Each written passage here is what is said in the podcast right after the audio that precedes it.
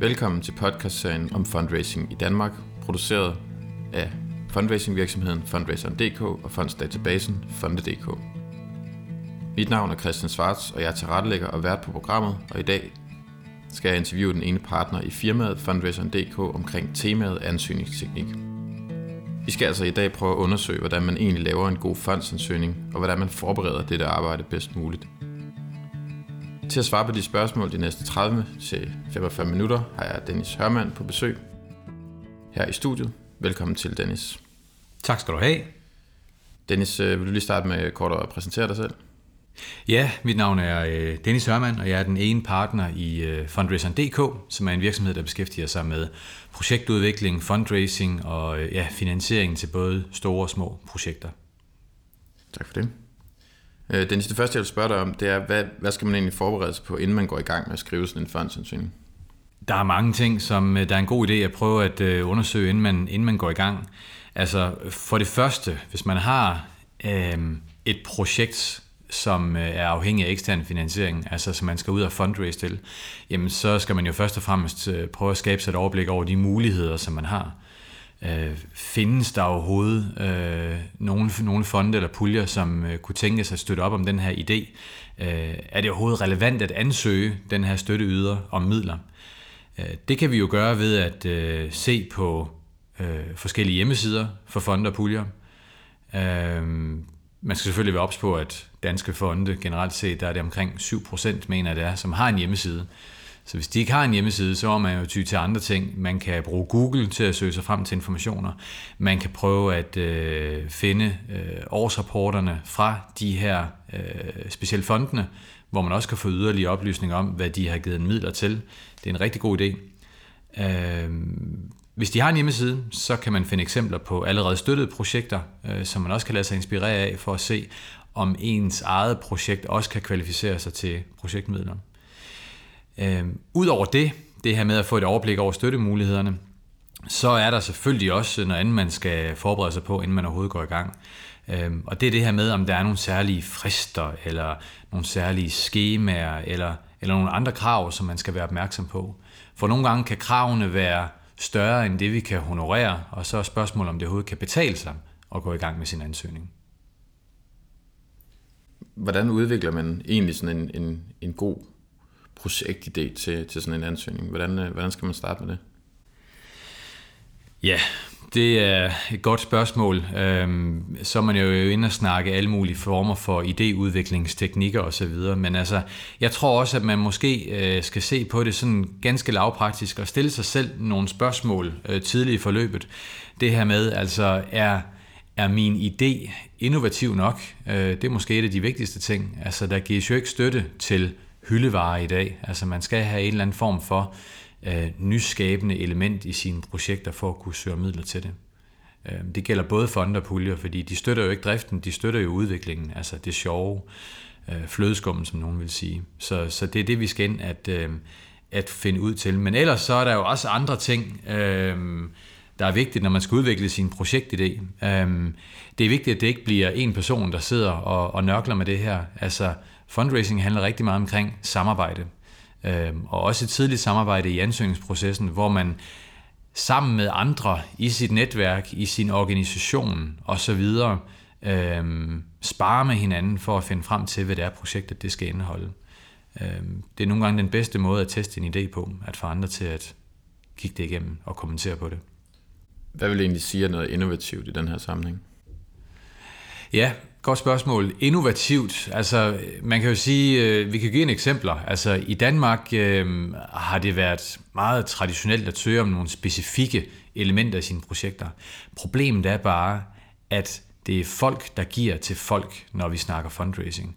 Og det, der ofte sker, det er, at der er fokus på produktet. Øh, vi har brug for en multibane. Vi har brug for en aktivitetsplads. Vi mangler to kajakker i klubben og så videre. Så bliver det produktet, der er det vigtige. Og det er jo ikke det, der er vigtigt i den her sammenhæng her. Det er jo at fortælle, hvorfor at produktet det er en nødvendighed. Og derfor kan det innovative ofte godt ligge i, at det gør en forskel for målgruppen. at man ikke har den her kajak i dag, og hvis man havde den, så ville det kunne gøre den her forskel, og vi kunne tage flere ind, og flere unge mennesker ville blive glade, eller hvad det nu er for en historie, man vil, man vil knytte an til den her, øh, til den her genstand. Så tænk i, at det innovative ikke nødvendigvis ligger i produktet, eller i serviceydelsen, eller hvad det er, men det kan lige så meget ligge i, at det skaber nogle nye muligheder i det samfund, lokalsamfund, øh, whatever, hvor projektet det finder sted. Er det vigtigt at have erfaring for overhovedet at kunne sende en ansøgning ind? Er det noget, man skal have gjort før? Eller? Jeg tror ikke, der er nogen, der er født som, som fundraiser. At det er øh, learning by doing. Um, og derfor er det fuldstændig korrekt, at uh, jo mere erfaring du har, alt andet lige, desto bedre et resultat vil du også få. Men alle er jo startet ud. Vi er jo også startet ud som fundraising virksomhed med minimal erfaring. Og jeg plejer at sige, der findes ikke fiasko, kun læring, og vi lærte absolut rigtig meget de første par år, at vi var i gang. Øh, så det handler om at lære sine fejltagelser tage dem alvorligt, og så gøre ansøgningen bedre og bedre. Sørg for at deltage i workshops, seminarer, uddannelser osv., øh, for at dygtiggøre sig yderligere inden for, inden for feltet. Fordi man bliver ved med at kunne lære i den her branche. Kunne du sige noget om, hvilke startfejl man typisk begår, når man, når man går i gang med sådan noget? Ja, det kan jeg godt. Altså, øh, man kan jo faktisk sige, at, at de, de fleste fejl, det er nok det her med, at man ikke øh, overvejer, øh, hvor lang tid det egentlig kan tage at fundraise, og at det kræver øh, et, nu, nu er vi tilbage ved det første spørgsmål igen, at det kræver altså en del forarbejde for at overhovedet kunne gå i gang. Det skal man have respekt for. Fordi det nytter ikke noget at løbe i en retning mod en fond, som potentielt set måske slet ikke er relevant i forhold til projektet, og bruge en masse tid på det. Så det er altafgørende, at man bruger øh, den indledningsvise tid til virkelig at prøve at kvalitetssikre de støttemuligheder, som der er. Og også prøve at øh, se lidt øh, indad i organisationen, øh, om man nu har det, som der skal til for at kunne lave et godt projekt. Kan vi overhovedet prioritere øh, vores egen, altså fundraiserens tid, og måske andre i organisationen, deres tid til at øh, forberede og til at udarbejde ansøgningen. Øh, hvis der er krav omkring medfinansiering, jamen kan vi så overhovedet honorere det? Kan vi, kan vi lægge den nødvendige medfinansiering i timer, eller i ja, frivillighed, øh, eller i, i øh, kolde kontanter, som nogen også vil kræve? Øh, vi bliver også nødt til at kigge indad og så se, om vi har de kompetencer, som der skal til, for overhovedet at kunne øh, overbevise støtteyderne om, at vi har den, den faglighed, øh, den faglige tyngde og dybde, som der skal til for at kunne gennemføre projektets aktiviteter. Øh, så, så, så, så ja, der er, der er rigtig mange overvejelser, og ja, øh, der er behov for en øh, indledningsvis erfaring, men man kan sagtens starte ud, men sørg for at øh, få sparring og rådgivning fra dem, som du nu kan få. Hvis man nu, øh, bare for at tage et eksempel, hvis man nu er tre unge mennesker, der, der går på et studie og gerne vil lave en, en teateropsætning for eksempel, mm-hmm. hvordan, og de har brug for et lille, lille beløb til at lave en, en lille forestilling, de gerne vil vise for, for deres venner. Mm-hmm. Øhm, hvordan, altså helt lavpraktisk, hvordan man går til sådan en opgave, for de kan ikke søge som privatpersoner, kan de det, eller skal de organisere sig, altså hvordan, Ja, der er mange elementer i det, men altså, man kan sige, der kan være, der kan være flere øh, løftede pegefingre i den der case, som kan gøre det rigtig svært at få midler. Ja, der er ikke nogen etableret organisation bag. Det er enkelt personer, der skal søge. Det har også den udfordring, hvis de går hen og får en bevilling, så kan de også blive personligt beskattet af det. Det er jo det, man vil kalde et slags legat. I hvert fald, hvis det er inden for landets grænser. Mange af de søger også øh, rejselegater til studieophold i udlandet, hvor de så på den måde bliver skattefrie. Men der kan være et problem med, at der ikke er en organisation bag. Der kan være et problem med, at målgruppen måske ikke er stor nok, hvis du siger, at de vil lave det for deres venner. Men, øh, eller er det noget, der skal foregå ned på medborgerhuset, det her, og hvor at, øh, der kan være gratis entré, og hvor at flere kan komme ind, og kan man søge via det øh, lokalrådet i øh, byen, eller øh, have forsamlingshuset til at stå som afsender på ansøgningen. Sådan noget er jo også vigtigt. Ideen kan stadig være den samme, men der kommer samarbejde også ind. Kan vi have en anden til at stå som afsender på den ansøgning her?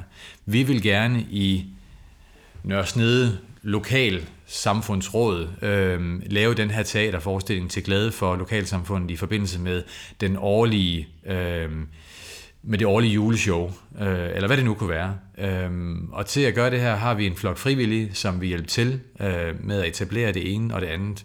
Øhm, og selve den kunstneriske opsætning af det her teaterstykke om Jesu fødsel, eller hvad det nu er, det skal laves af de her tre studerende, som i øvrigt også øh, får noget for øh, ulejligheden. Og det er fint nok også at skrive det ind.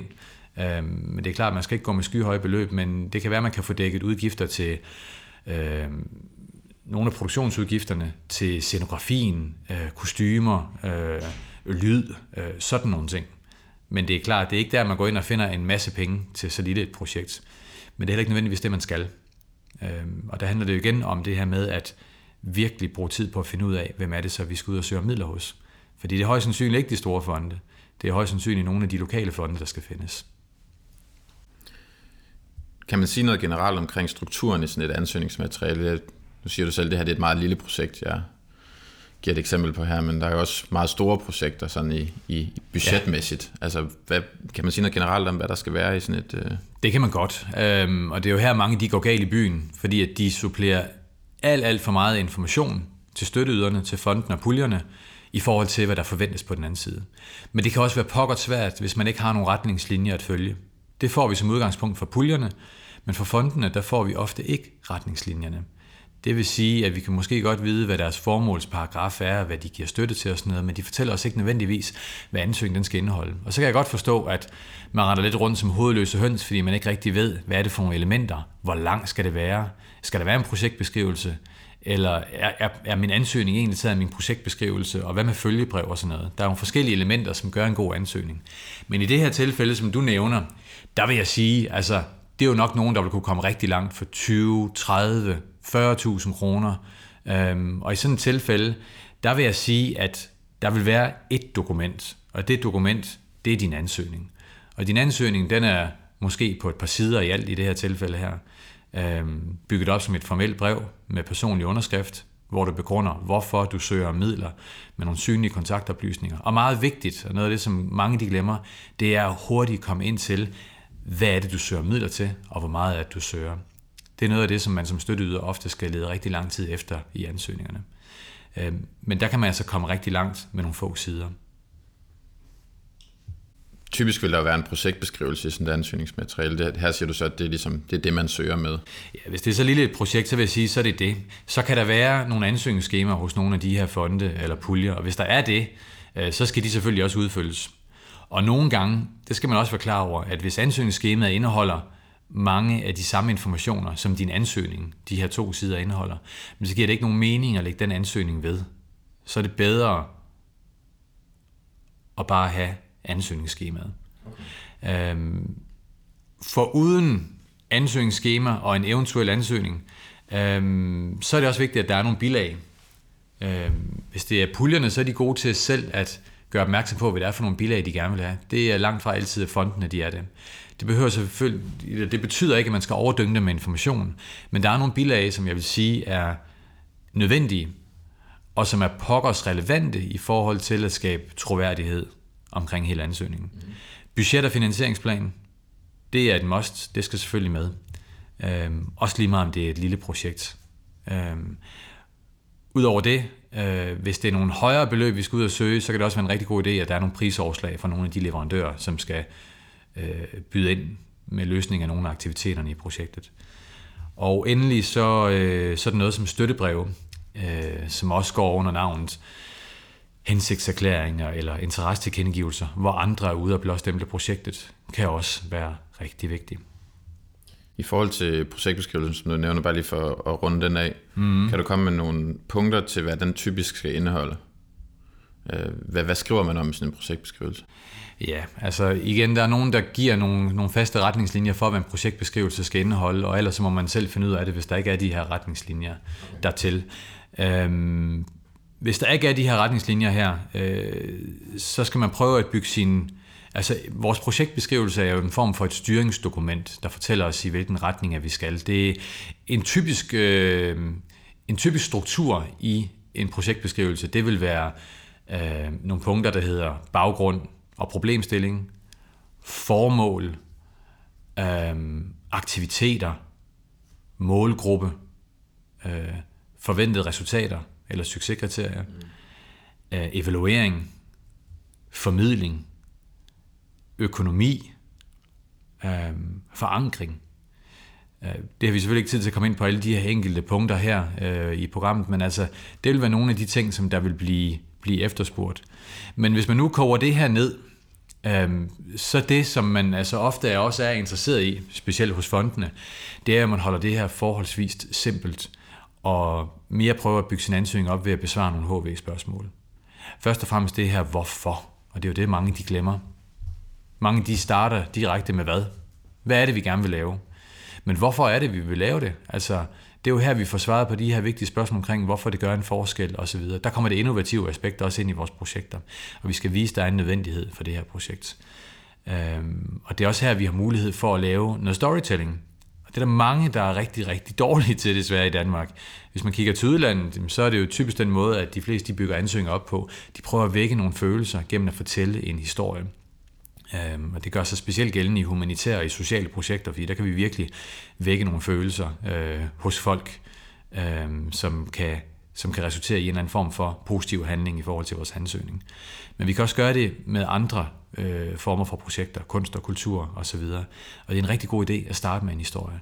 Men historien må ikke stå alene. Der skal også være nogle faktuelle elementer i ansøgningen, nogle rapporter, som vi bygger vores ansøgning op omkring, fordi at tendenser viser, at samfundet har udviklet sig i den her retning, og derfor er der brug for de her, de her indsatser. Øhm, det er med til at understøtte nødvendigheden for vores projekt. Det var hvorfor spørgsmålet. Så kommer hvad spørgsmål selvfølgelig. Vi skal også fortælle, hvad det er for nogle aktiviteter, vi vil lave. Vi skal også fortælle, hvornår vi vil lave det. For hvem? Der kommer målgruppen lige pludselig ind. Øh, og af hvem? Det vil sige os og hvor vi skal sælge os selv på vores kompetencer. Så hvis man også kører de der HV-spørgsmål igennem, så kommer man altså rigtig langt. Og nu var du kort ind på øh, bilagene her. Øh, mm. Og der, nævnte, der I nævnte budgettet, som jeg, som jeg forstår det, er en, en, en ret væsentlig del af, af de her bilag. Budget- ja. og finansieringsplanen, som, som kan være samme, samme bilag. Ikke? Mm. Øh, hvordan bygger man sådan et budget op? Ja, der findes jo mange forskellige skabeloner til, hvordan man skal bygge sådan et budget op, men altså i, i princippet, så er det jo meget simpelt købmandsregning, når det kommer til stykket. Altså det er jo et spørgsmål omkring, at man sætter alle sine projektudgifter op, øh, en efter en. Starter ofte med måske en eller anden form for projektledelse, projektadministration, øh, øh, projektstyring, øh, efterfulgt af, hvad det er for nogle aktiviteter, man gerne vil gennemføre, og hvad de koster efterfulgt af formidling, evaluering og til sidst noget, noget revision, hvis det er et projekt, som også har udgifter til det. Det er typisk projekter over 100.000 kroner, når man søger det. Øh, det kan man gøre. Øh, og hvis man nu siger, at det er et øh, projektbudget på 100.000 kroner, øh, så vil man jo nedenunder de her opstillede udgiftsposter, der samlet set giver 100.000 kroner, der vil man så skrive ned, det her, det her projektbudget, det forventer vi finansieret på følgende måde. Og så skriver man simpelthen op i punkter nedenunder også, kan man gøre. Egenfinansiering, 20.000 kroner. Øh, AP Møllerfonden, 30.000 kroner. Louis Hansen Fonden, 20.000 kroner. Øh, kommunen, 10.000 kroner osv. Det er bare vigtigt, at indtægter er lige udgifter, når det er sådan, at budget- og finansieringsplanen den er færdig.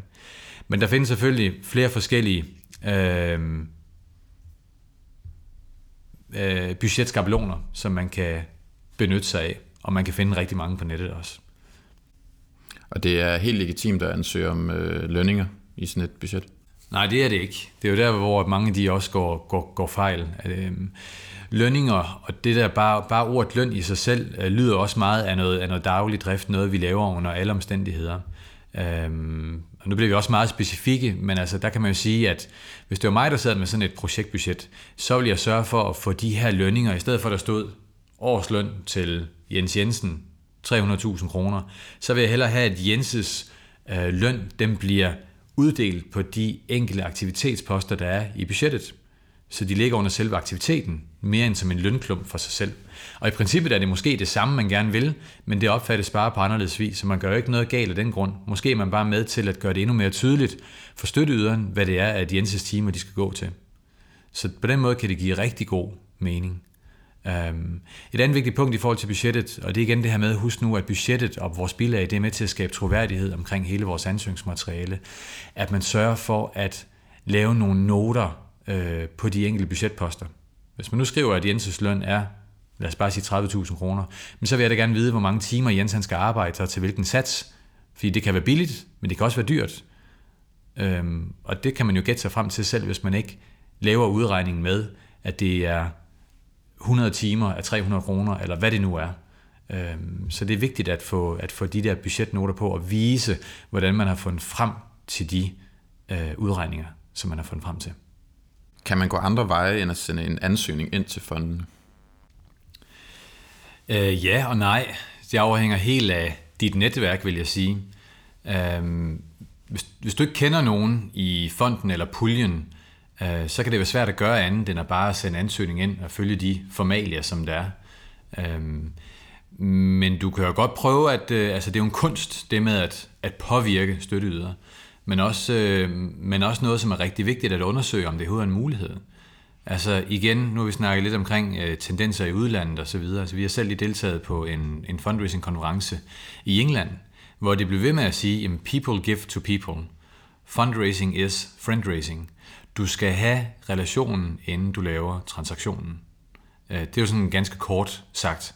Så du skal gøre alt, hvad du kan for at prøve at påvirke dine ansøgningschancer. Og det gør du igennem menneskelige relationer, øh, ved at kontakte fondene osv.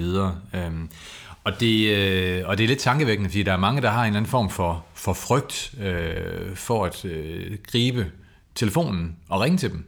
Øh, men det er der ikke noget farligt i på nogen som helst måde. Man skal selvfølgelig ikke bare ringe for at ringe. Man kan sammenligne det lidt med en øh, ansøger, der, en jobansøger, der gerne vil have et specifikt job, og bare ringer ind for at øh, spørge lidt ind til, jamen, øh, hvornår er der frist, og hvornår er arbejdstiden, og alt sådan noget der. Jamen, det er jo sådan nogle ting, der kan vente, sådan nogle praktiske ting, der kan vente til en eventuel jobsamtale.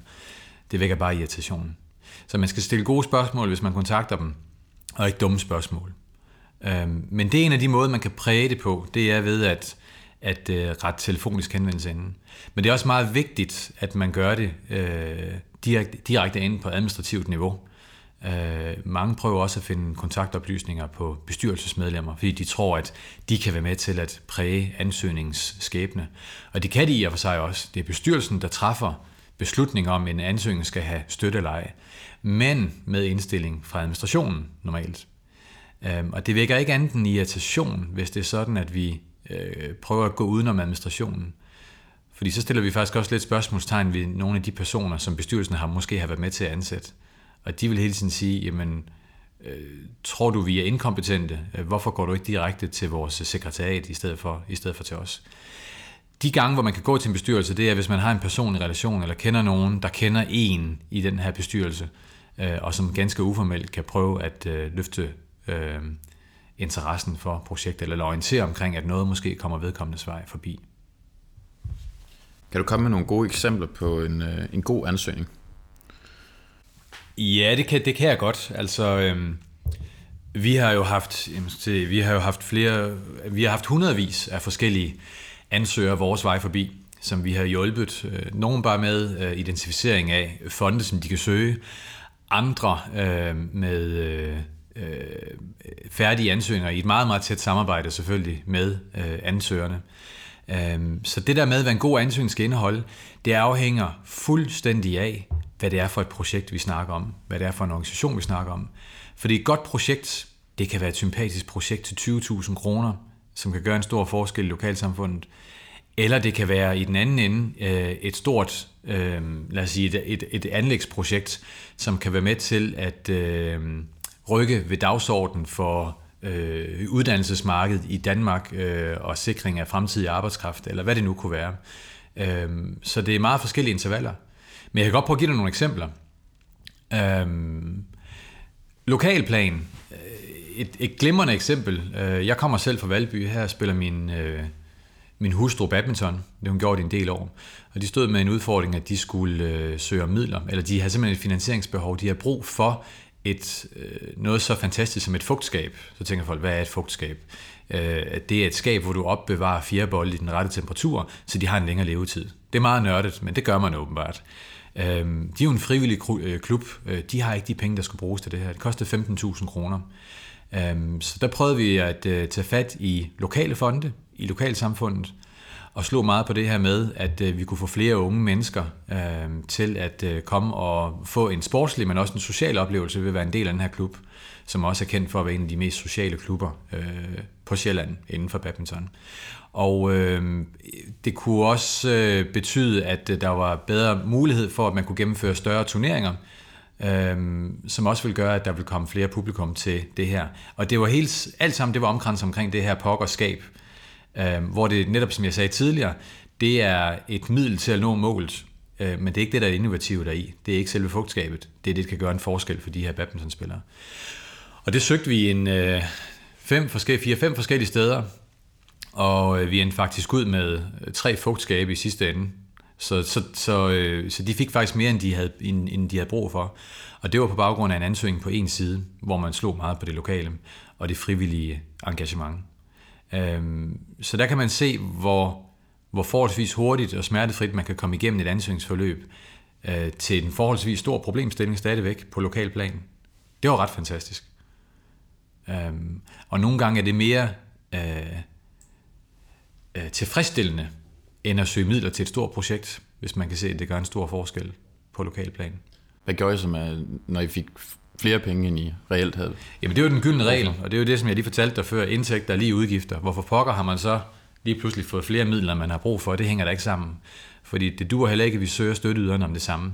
Men jeg synes også, at der er en eller anden hård, fin grænse ved det her, fordi at man kan sige, at i det her tilfælde er det et forholdsvis lille beløb, som der er blevet ansøgt. Øhm, det er klart, at hvis vi var ude og skulle søge 1 million kroner til lad os sige, en eller anden form for øh, læringsprojekt eller et anlægsprojekt, jamen hvis vi så søgte 1 million kroner hos de fem største fonde i Danmark, så ville vi få afslag hele vejen rundt. Fordi fondene snakker også sammen, og det vil vække irritation, man prøver at dække sig ind flere steder. Men når det er et lille, sympatisk projekt som det her, med et meget lille finansieringsbehov, selvom det er mange penge for klubben, øh, så vil jeg sige, at det er anderledes. Øh, I det tilfælde, at man fik flere midler, end man kunne bruge, jamen, så vil der være andre muligheder også. I det her tilfælde her, der kan man bruge pengene til at købe et fugtskab mere. Øhm, man kunne få lov til at allokere nogle af pengene til at gennemføre en stor øh, efterårsturnering, Valby Open, øhm, som også var helt okay med fondene. Så på den måde er der en fleksibilitet i forhold til, at man kan bruge det til nogle andre ting, fordi de støtter ikke inventaret, de støtter klubben. Øhm, og får også noget, noget modydelse på den måde ved at komme ud og overrække en stor check. Så der var også der var også noget i det for de støtteydere, som var inde over det. Øhm, så når det ikke er højere beløb, så vil jeg sige, så kan man godt spille på flere heste. Men man skal passe på efterhånden, som finansieringsbehovet bliver større. Der er det endnu vigtigere, at man ikke søger mere, end man har brug for. Og det skaber selvfølgelig frustration, fordi at tidsplaner kan blive udskudt, hvis man får et afslag. Men der må man bare sige, det er den rigtige måde at gøre det på, at søge i de her bølger her, indgå i den personlige relation, og på den måde så forhåbentlig også have en bedre mavefornemmelse med, at projektet kommer igennem. Fordi et relation kan betyde rigtig meget.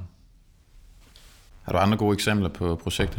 Ja, det her det var et lille projekt på lokalplan, øh, som var ganske sympatisk. Øh, øh, det der med øh, at skabe sympati øh, i sine projekter er jo i det hele taget en god idé. Jeg har et andet projekt, hvor det også handler meget omkring sympati, men hvor det er lidt anderledes.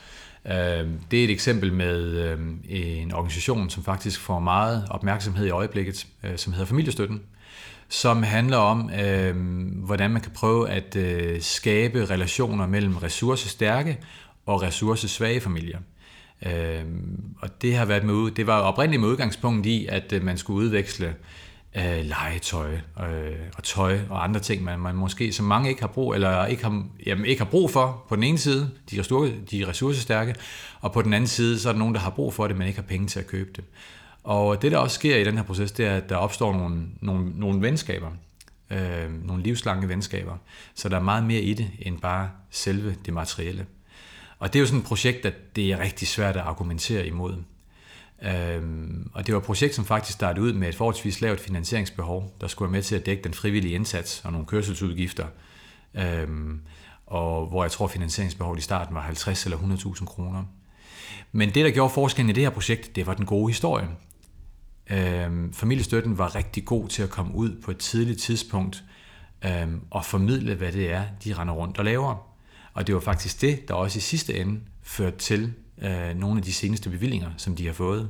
Og det er igen storytellingen, at det er den gode historie, som en taget danner grundlaget for, øh, de midler, som kommer ind efterfølgende.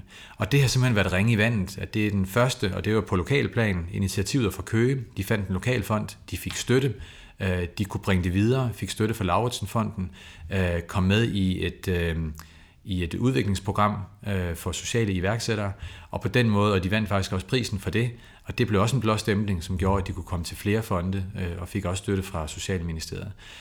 Og det er en god historie, der bare fortsætter. Flere eksempler? Ja, altså man kan sige, øh, så er vi måske op, nu har vi sådan et lille og et mellemprojekt. Hvis vi skal tage et sidste projekt, jamen, så kan vi jo tage et, et, et større projekt. Og det er jo sjovt det her med, desto større et projekt er, øh, jo mere tror øh, man også, ofte også ude i markedet, at ansøgningen den skal fylde i omfang. Og inden det kan jo være mere forkert faktisk. Altså, det er klart, at hvis vi, laver en forskningsansøgning, så, øh, så er der mange ting, vi skal svare på, og så er omfang stort. Men hvis igen det er en, en fondsansøgning, hvor der ikke nødvendigvis er nogle faste retningslinjer til, jeg har set mange eksempler på ansøgninger, der har fået øh, flere millioner kroner i støtte, som ikke har været over fem sider lang. Tværtimod. Øhm, og der handler det selvfølgelig meget omkring content, hvad det er, vi putter ind i den her ansøgning her, ikke så meget omfang deri. Altså det er kvalitet frem for kvantitet. Øh, jeg har et eksempel med øhm, øh, Maskinmesterskolen i Fredericia, som øh, fik lov til at udbyde maskinmesteruddannelsen i Esbjerg, efter den har været lukket ned i mange år. Øh, en fantastisk mulighed for at uddanne flere maskinmestre øh, i Vestjylland, øh, som også går med til, at øh, øh, der er jo kæmpestort behov for øh, offshore medarbejdere i den branche. Øh, så her har man et projekt, som er med til at løfte en problemstilling på politisk plan, hvor at, øh, vi har mange virksomheder, som efterspørger kvalificeret arbejdskraft. Og øh, hvis, vi skal skulle, hvis vi skal kunne følge med, så må vi også øh, i gang sætte nye uddannelser, nye idéer øh, osv. Og det er jo det, man gjorde i øh, det tilfælde her. Så der ligger simpelthen, øh, man kan sige, spørgsmålet, hvorfor øh, blev besvaret øh, gennem øh, en politisk problemstilling øh, og en forandring, man gerne vil lave. Øh, så, så, så der er det nogle andre elementer, der gør sig gældende. Øh, Øh, og de, det, er alle, det er alle tre øh, eksempler på projekter, som har fået succes. Og øh, det mellemste og det største er faktisk også projekter, som har været lige store i omfang, hvilket er ret tankevækkende, da det ene projekt er på få 100.000, og det andet er på adskillige millioner. Hvis man søger flere fonde eller puljer til finansiering øh, af, sit projekt, hvilken rækkefølge er så bedst at søge i? Du var lidt inde på det der med øh, familiestøtten, der starter ud med at søge lokalt, og så bliver det nationalt. Jamen, det er det, der ringer i vandet igen. Altså, det er en god idé at prøve at kigge på det, når man, øh, når man snakker finansiering. Altså, og, og, og se, jamen, hvad, hvad har vi selv at gøre godt med? Kig ind ad i organisationen først. Find ud af, er der nogle lokale støttemuligheder, og brug det som løftestang i forhold til øh, de efterfølgende fonde og puljer, man skal ud og søge. Vi ser også ofte, altså fondene siger jo øh, generelt set, vi vil ikke øh, fylde de offentlige huller op. Øh, vi vil ikke overtage det offentlige ansvar. Og det skal de heller ikke gøre. Øh, men man kan rigtig godt lide at se, øh, det er i hvert fald min erfaring fra fondenes side, hvis noget det er øh, politisk prioriteret eller har fået støtte fra en offentlig pulje. Øh, fordi så ved man, at det i hvert fald lever op til nogle af de gængse krav inden for det pågældende område. Så det er også en blåstempling af det. Øhm, men i det hele taget vil det være en blåstempling, hvis der er noget finansiering, inden man går ud og søger om det næste. Øh, det kan være egen finansiering. Det kan være en bevilling fra en fond eller en pulje. Og for nogle øh, fonde gør det sig faktisk også gældende, at hvis man har fået fra nogle bestemte fonde, så ser man også meget positivt på det. Der kan man tage kongehusets forskellige fonde som et eksempel hvor det er noget, der i hvert fald kan være med til at trigger, at der er andre fonde, der også finder det interessant, hvis det har det, det kongelige emblem på. Hvad med sådan noget som afsenderen på projektet? Nu snakker vi om teatereksemplet i starten af programmet, mm. øhm, hvor du også siger, at der kan man måske finde en, en anden ansøger, hvis man ikke selv er øh, organiseret mm. som, som hold. Ja. Øhm, hvor, hvor vigtigt er det, hvem der ansøger?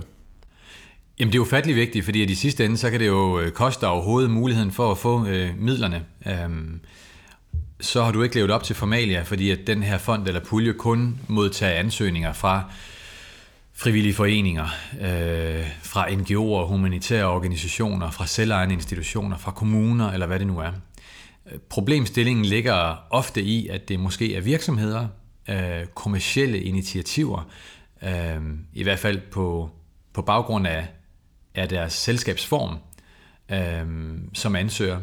Og det er jo ikke nødvendigvis fordi, at man vil tjene penge på noget. Det kan jo godt være, altså virksomheder kan jo også få gode idéer, som, øh, som har mulighed for at få ekstern finansiering. Der findes også nogle muligheder for, at, at øh, private virksomheder kan søge om midler. Det er typisk fra offentlige vækstpuljer, også nogle enkelte fonde.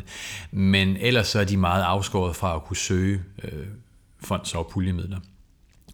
Øhm, og det er lidt ærgerligt, fordi de gode idéer er der jo stadigvæk, øhm, og kunne måske være kommet igennem, hvis det var med en anden afsender på ansøgningen. Så derfor ser vi også i den her tid her, at der er rigtig meget fokus på partnerskaber, øhm, offentlige private partnerskaber, hvor det er offentlige organisationer som ansøger, man bruger private øh, virksomheder øh, som leverandører, som partner i projektet til at gennemføre projektets aktiviteter. Øhm, men hvis man er i tvivl, altså det bedste råd, det er jo igen at tage dialogen direkte med øh, den pågældende fond eller pulje og høre, øh, om det er validt nok at søge øh, med sådan en afsenderprofil, som man har. Og hvis det ikke er, så må man ud og finde en anden partner, som kan stå som afsender på ansøgningen. Øh, mit sidste spørgsmål handler om, hvordan man prioriterer sit ansøgningsmateriale bedst. Altså, hvad skal læseren egentlig have at vide først? Er det for eksempel vigtigt med en forside og grafik og layout og den slags? Ja, altså det, det, min svar er jo ja. Øh, dem, som der skal gennemgå vores ansøgningsmateriale, hvad end det er en administration, et fondssekretariat øh, eller en bestyrelse, øh, består af nogle forskellige typologier. Øh, nogen er, har det bedst med at skulle øh, læse øh, og se dokumentation. Andre bliver mere draget af billeder. Øh, nogen vil bare gerne have fortalt en historie. Nogen kan godt lide det faktuelle i forhold til nogle grafer og øh, nogle, nogle diagrammer og så videre. Øh, så jeg synes, at det generelt set vil jeg sige, øh, det er jo selvfølgelig det tekstmæssige indhold, som der er det vigtige.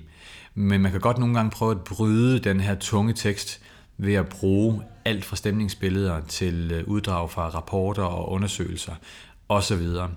Og er det en større ansøgning, man har, hvor man siger, at man har ud over sit følgebrev, øh, følgebrevet er jo noget, man typisk vedlægger til fondene, som er sådan en one-pager, hvor vi igen kort skriver lidt et executive summary-agtigt, men også hvorfor vi søger fonden, og hvor der så ligger en projektbeskrivelse ved siden af.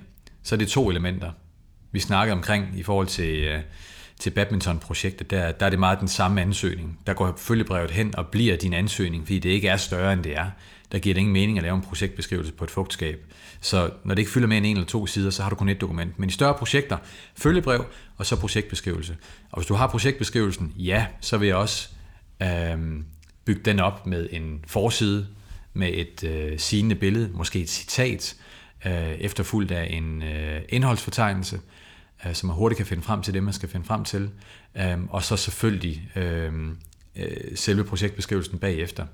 Øh, og som typisk vil være de her. Jeg vil sige, hvis du søger op til en 100.000 kroner, jamen jeg vil ikke lave den meget længere end en fem sider sådan en projektbeskrivelse. Er du oppe og snakke et, øh, et, et millionbeløb, så ser vi projektbeskrivelser op til måske 7, 8, 9, 10 sider, men øh, jeg vil, jeg vil for alt i verden altid prøve at holde projektbeskrivelser på under 10 sider. Tak for en god og interessant samtale, Dennis. Til tak. Vi vender snart tilbage med en øh, ny podcast omkring det danske fondsmarked. Denne podcast er produceret med støtte fra fundraisingvirksomheden Fundraiseren.dk og Danmarks største fondsdatabase Fonde.dk. Hvis du efter denne udsendelse har fået lyst til at prøve vores fondsdatabase, så kan du skrive en mail til info med dit navn og skrive PC-test i emnefeltet. Så giver vi dig en måned gratis prøveabonnement. Husk desuden, at du kan følge Fundraiseren.dk og Fonde.dk på Facebook og LinkedIn, hvor nye podcast også vil blive annonceret.